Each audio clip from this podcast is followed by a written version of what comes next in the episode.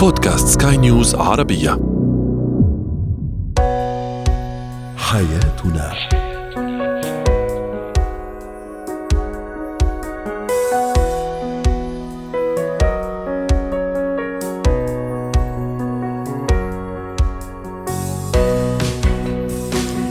مستمعينا الكرام أهلا بكم معنا إلى حياتنا فضاؤكم اليومي الذي يعنى بشؤون الأسرة وباقي الشؤون الحياتية الأخرى والذي يمكنكم الاستماع إليه عبر منصة سكاي نيوز ارابيا dot com slash podcast وباقي منصات سكاي نيوز عربيه الأخرى. شاركونا عبر رقم الواتساب 00971 561 88 6223 معي أنا ابتسام العكريمي.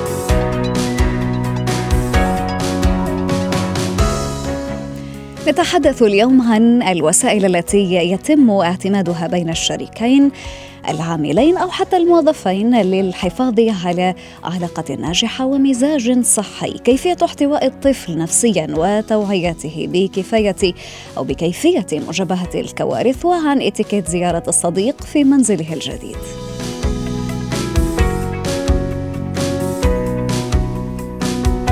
هو وهي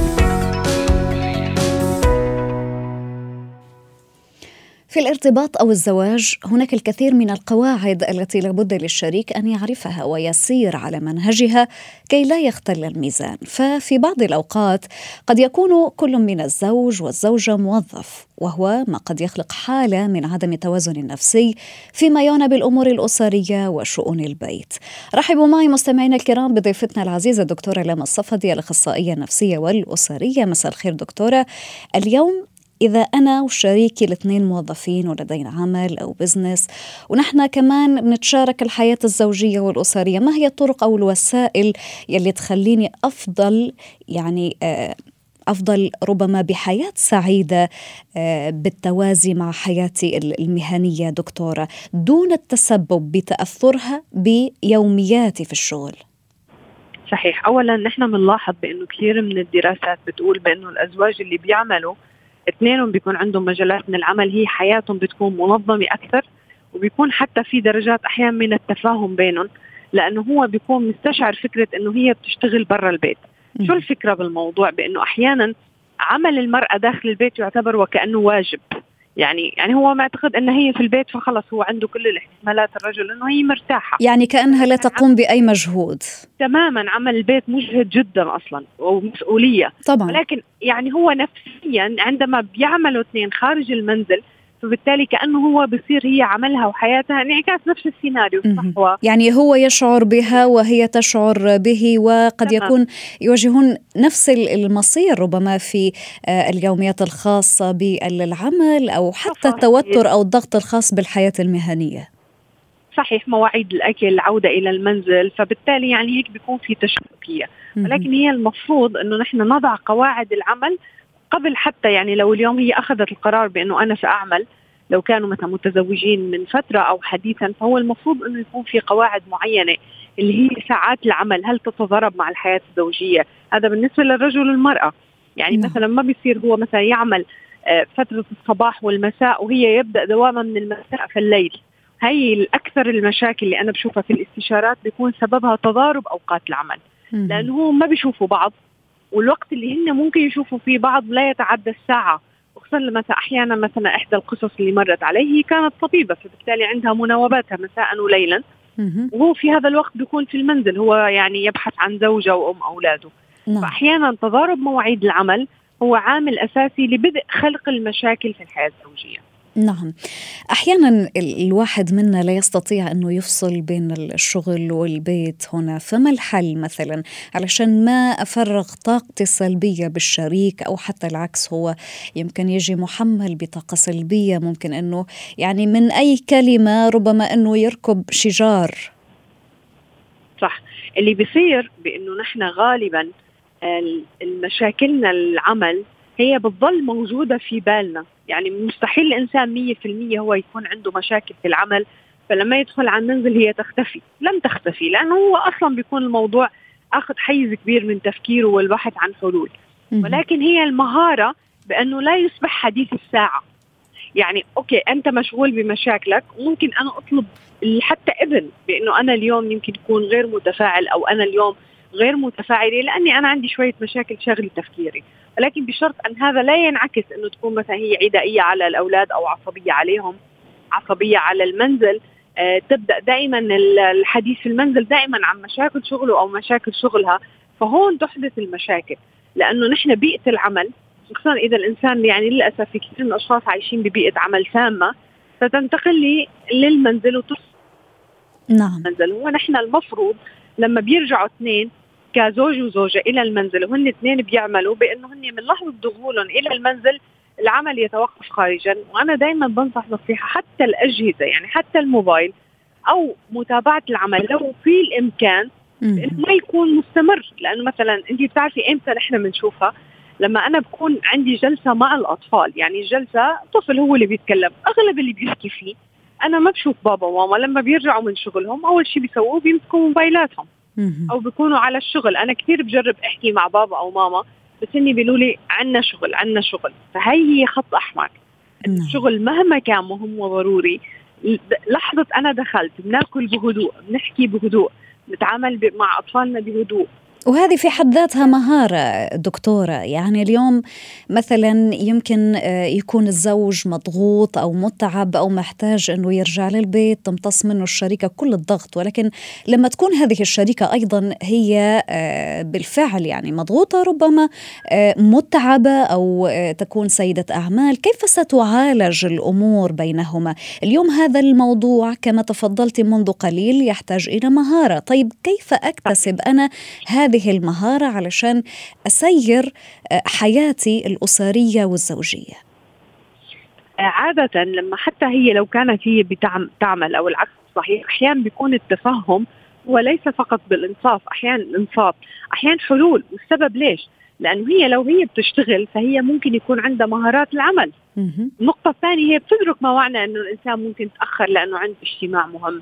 تدرك معنى أنه الإنسان أحيانا عنده ظروف العمل.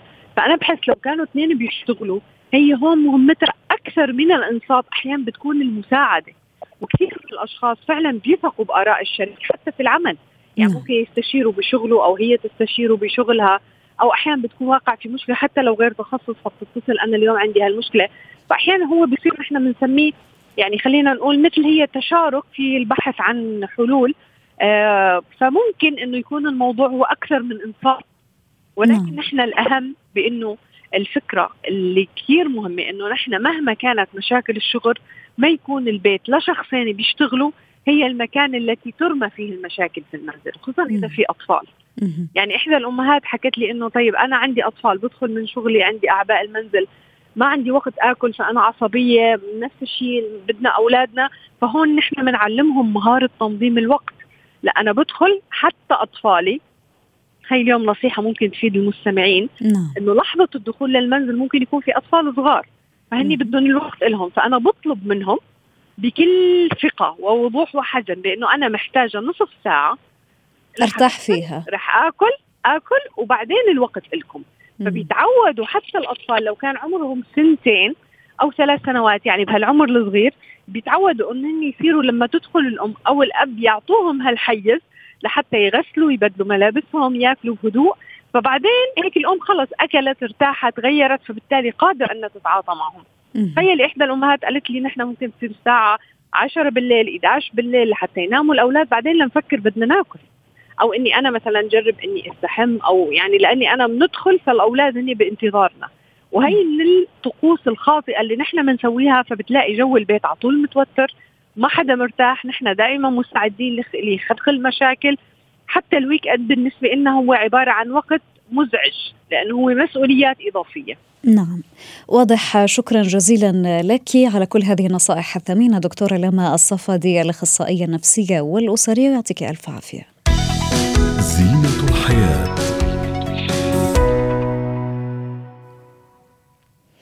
التعامل اليوم مع الطفل وكيفية احتوائه نفسيا خاصة في ظل هذه الكوارث الطبيعية التي آه، نسمع عنها كل يوم فيضانات زلازل أو حتى الكوارث الإنسانية بما فيها وعلى اختلافها من آه، أحداث مؤلمة قد تكون. اليوم السؤال هل حاولت توعية طفلك للحد من مخاطر الكوارث؟ طرحنا هذا السؤال التفاعلي ورحبوا معي مستمعينا الكرام باستشاريه النفسية والتربوية أستاذة ريم صابوني. أهلا وسهلا بك يا أستاذة ريم اذا هذا هو سؤالنا التفاعلي وبعض التعليقات وصلتنا على منصات سكاي نيوز عربية. تعليق يقول أهم شيء لازم يكون هذا الموضوع مدموج بطريقة توعوية في المناهج المدرسية. تعليق آخر يقول أنه عملية الإقناع كلها غير سهلة وتتطلب سلاسة ومهارة من الوالدين.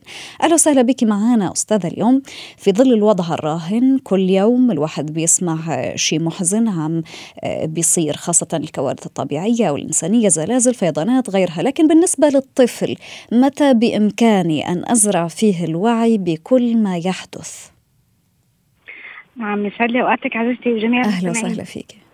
آه، الحقيقة إن الطفل اليوم هو جزء من من عالمنا اللي بيتعرض بشكل يومي لوصوله إلى منصات التواصل أو حتى منصات الإعلام فهو ليس بمعزل عن الأخبار اليومية اللي بتحدث حول الكوارث الطبيعية. تمام. آه فمن الخطأ أصلا إني أعزل الطفل آه في بعض الحالات يعني أسمع إنه آه يعني ما تخبروا الطفل مثلا إنه في حادث أو ما تقلقوا أو ما ترعبوا ما تخوفوا آه طبعا نحن هون ما عم نحكي عن مرحلة طفوله مبكرة يعني آه شديدة ال آه يعني ال ال الحساسية. الحساسيه بالضبط. نحن مو بعمر الأربع ولا الخمس سنين. نحن عم نحكي في مرحلة طفولة متوسطة. هذا الطفل قادر أن يستوعب ما معنى كلمة كارثة طبيعية أو كارثة إنسانية. آه إذا كنا بدنا نحكي نحن عن متلقي سلبي يعني طفل لا يعيش مثلا في بلد حصل فيها نكبة أو أزمة أو كارثة. فإذا كنا عم نحكي عن طفل يتلقى هذه الأخبار من الإعلام من حولنا فنحن عندنا مسؤوليتين. مسؤولية مجتمعية. تقع على عاتق المؤسسات التربوية كالمدارس مثلا كالمساجد كالمراكز الثقافية كالنوادي أي مؤسسة أهلية آه، حوالين الطفل. وهذا وهذا وهذا تماما أستاذة ريم هذا اللي ورد في أحد التعليقات اللي صحيح. وصلتنا. يقول أهم شيء لازم يكون هذا الموضوع مدموج بطريقة توعوية في المناهج المدرسية. ما رأيك؟ صحيح تماما وهذا ما أشرنا إليه لأنه نحن هون بدنا المعلومة أصلا تصل بشكل صحيح للطفل من الناحية العلمية. ما معنى زلزال ما معنى فيضان ما معنى سيول ما معنى عواصف ما معنى كارثة أصلا. آه، متى آه، آه، مثلا نقول نحن رفعنا الحد الأعلى من الطوارئ ما معنى كلمة طارئ. أصلا لازم يكون في إجراءات وقائية تدرس في في الأماكن هي إنه كيف نحن ممكن ناخذ الإجراءات الوقائية الأولية عند حدوث أي تهديد في الخطر. سواء كان كما أشرت كارثة إنسانية إذا أو أو, أو حتى طبيعية حتى تأثير. نعم أو حتى طبيعية إذا كانت مثلا أو حالة فقدان مثلا لأحد أفراد العائلة أو غيره لكن في حالات نعم. أستاذة ريم الطفل عندما يسمع خبر مثلا على التلفزيون أو حتى يشوفه بمواقع التواصل الاجتماعي قد يصاب بالكوابيس بالتوتر مم. ففي هذه الحالة كيف أستطيع أنا اليوم حماية طفلي من الهشاشة النفسية هذه تمام. جميل جدا السؤال لأنه أنا أشرت في البداية وقلت إنه الطفل اليوم ليس بمعزل عن الأنباء. تماما. فمن الخطأ إني أظن إنه أنا إذا بحمي طفلي لما أنا ما بحكي له عن هي الكارثة. أو نعم. لما أنا مثلا شاهد خبر بطريقة عابرة وهو أصلا ما عنده تفسير لهذه لما يحدث أساسا. فمن الخطأ إنه أنا آه، آه، آه، يعني أن أتجاهل هذا الأمر. طيب كيف احميه من الهشاشه النفسية وشكرا لذكرك هذا المصطلح لأنه فعلا الطفل قد يكون هش نفسيا إذا هو لم يمتلك أي خبر أو أي فكرة أو أي أدنى معلومة عن كيفية هذا الأمر الذي يحدث فوق إرادة البشر هي أول نقطة. ثاني نقطة أنا كاب وام أصلا لازم أعرف شو كيف أقدم الاحتواء النفسي والدعم النفسي وكيف كمان البالغ في محيط الطفل يقدم الإسعاف الإسعافات النفسية الأولية آه، لموقع الحادثة أو موقع الكارثة إذا كان الطفل في المحيط. وهذا هذا شيء طبيعي طبعا. الأطفال يتواجدون في محيط الكوارث وهم الفئة الأكثر هشاشة والأكثر ضعفا آه، في مقدمة القائمة ومن ثم النساء تأتي. اذا كيف أقدم هذا الدعم؟ أول شيء بتقديم المعلومة الصحيحة تهدئة الطفل. شعاره بأنه أول شيء بقدم له طبعا الاحتياج الأساسي الأولي اللي هو الأمان لأنه هو بيفقد أول آه عنصر أساسي آه عنده هو شعوره بالأمان وإنه في شيء يحدث حوله قد لا يستطيع تفسيره ولا يمتلك أي آه، فكرة عنه. آه، اشعره بأنك بأمان أبعده عن المخاطر آه، هذا إذا كنا نحن في موقع الأزمة أو الكارثة. لكن يمكن في نفس الوقت لابد إنه آه، نعزز الوعي. يعني صحيح إنه لابد من الضروري إنه نعزز له شعور الأمان لديه ولكن نعم. في الوقت ذاته أستاذة ريم لابد إنه مثلا الأب أو الأم يجد طريقة ما لإيصال فكرة حدوث هكذا أمور في الحياة. لدى الطفل علشان يتعود على وجودها أصلا. تماما. لذلك أشرت إلى أهمية الوقاية قبل وقوع الحدث. يعني أنا ما بستنى انه تقع كارثة آه، في البلد أو أو في المكان الموجود فيه الطفل ومن ثم آه، يعني أضطر إلى أنه أشرح. أنا الآن في موقف إسعاف أولي نفسي.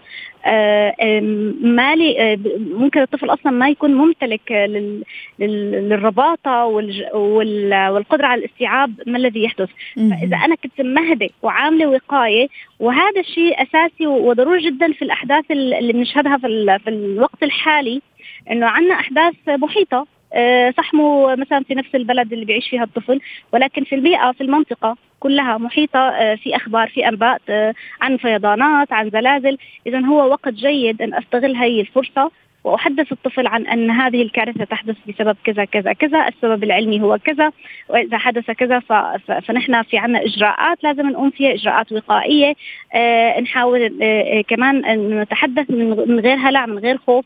ويكون كمان مدخل ربما للتوعية بأثار التغير المناخي، بكيفية حفاظه على البيئة ومزايا هذا الأمر. شكرا جزيلا لك أستاذة ريم صابوني الاستشارية النفسية والتربوية ويعطيك ألف عافية.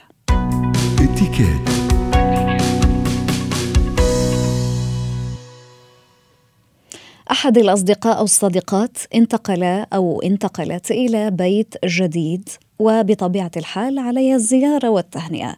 معنا الآن ضيفتنا العزيزة أستاذة سلوى عفيفي خبيرة الإتيكيت. مساء الخير أستاذة سلوى. خلينا نبدأ من موضوع الزيارة. الإتيكيت ماذا يقول في اختيار الوقت؟ مهما كان هذا الشخص قريب مني هل لابد أني أستنى عزيمته؟ أو من الضروري أني أروح حتى من تلقاء نفسي؟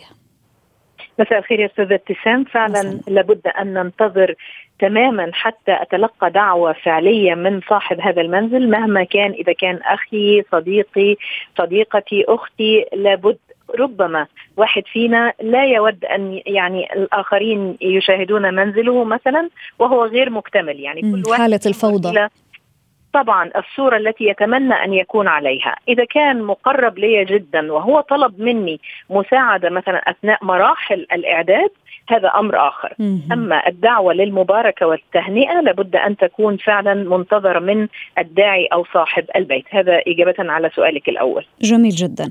أنا إذا تلقيت هذه الدعوة لزيارة نعم. هذا الصديق أو الصديقة هل من الضروري أني مثلا أحمل معي أحد أفراد العائلة زوج صديق أخ أخت؟ أم إنه لابد أني أروح لحالي أو آه، في إمكانية ثالثة أني لازم أعلم صاحب أو صاحبة البيت أنه والله حيكون معايا شخص.